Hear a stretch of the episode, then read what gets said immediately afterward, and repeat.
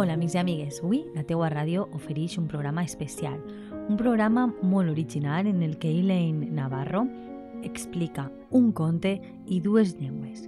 The Apple Red Glasses, les ulleres vermelles poma. Cal remarcar que es tracta d'un conte original, inèdit i que es pot llegir tant en valencià com en anglès. A més a més, també es pot escoltar en les dues llengües. Elaine Navarro vol destacar la col·laboració de Paco Corbí Jordà en la correcció d'aquests textos. Espere que gaudiu molt d'aquest nou espai a la teua ràdio. Les ulleres vermelles poma. Hi havia una vegada una noia molt maca amb els cabells llargs i arrissats i els ulls brillants, que portava unes ulleres vermelles poma es deia Nerea i tenia l'enorme quantitat de set anys. A Nerea li agradava anar al parc, ballar, jugar amb Daniel i Anne a l'escola. La seva professora es deia Eli i era molt agradable. Un dia, durant el pati, Nerea va pujar al cim de les barres.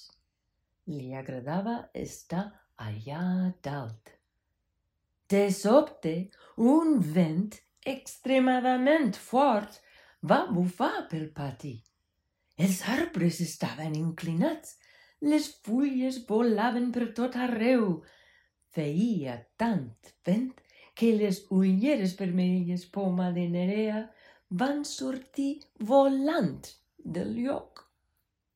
Socorro! Socorro! va cridar Nerea. Les meues ulleres se'ls ha emportat el vent. Ara no puc veure. Oh, com les trobaré si no puc veure? Asseia allà a dalt de les barres, plorant desesperada. Els seus amics, Daniel, Anne i tots els altres nens es van reunir per consolar-la, prometent-li que li ajudarien a trobar-les. Daniel va córrer per una banda, Anne va córrer per l'altra, tots dos buscant per tot arreu les ulleres vermelles poma. No sabien que les ulleres havien estat atrapades a l'aire pel gos blanc i negre que vivia tres carrers més avall. Ara, aquest gos era un coli i era molt desagradable.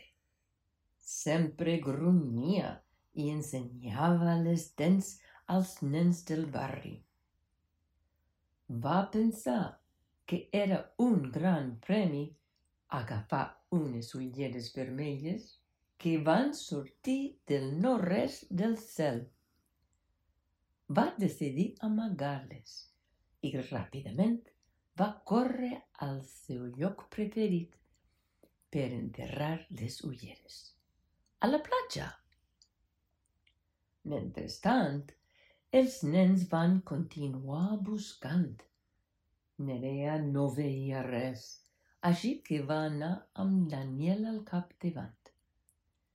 Durant tot aquell dia van buscar les ulleres vermelles poma. No van trobar res. Va ser tan frustrant. Va arribar la nit. Tothom havia d'anar a casa. Nerea estava cansada i amb gana. Va prendre un petit entrepà i se'n va anar al llit, esperant que els companys trobaren les ulleres el dia següent.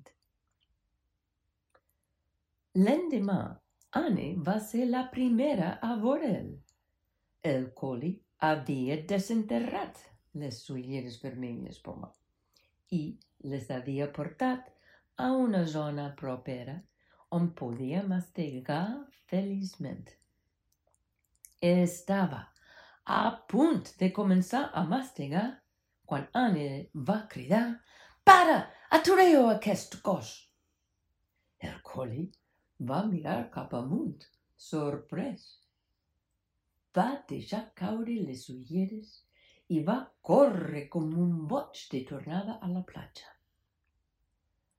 Anne va saltar d'alegria, cridant als seus amics que vingueren ràpidament. Nerea va venir corrent cap a Anne. Que meravellós! Ets la millor! Moltes gràcies! Es va posar les ulleres vermelles poma. Ara podia veure el món. Viva!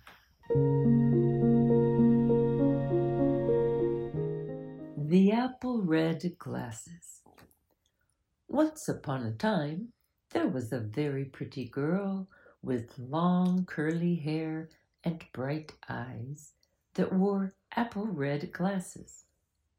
Her name was Nerea, and she was seven whole years old.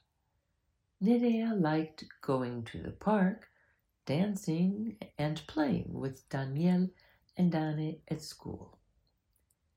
Her teacher's name was Ellie, she was very nice. One day during recess, Nerea climbed to the top of the jungle gym. She liked being high up there.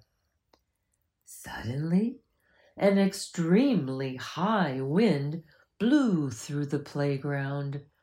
The trees were bending over, the leaves blew everywhere. It was so windy that Nerea's apple red glasses flew out of sight. Help! Help! cried Nerea. My glasses have gone with the wind. Now I cannot see. Oh, how will I find them if I can't see? She sat there on top of the jungle gym, crying her heart out. Her friends, Daniel and Anne, and all the other children gathered around to comfort her, promising they would help her find them. Daniel ran one way, Annie ran the other way, both of them looking everywhere for the apple red glasses. They didn't know that the glasses had been caught in the air by the black and white dog that lived three streets down. Now, this dog was a collie, and he was a very nasty dog. He was always growling and showing his teeth at the neighborhood children. He thought it was a great prize to catch some red glasses that came out of nowhere in the sky. He decided to hide them and quickly ran to his favorite spot to bury the glasses at the beach. Meanwhile, the children continued searching.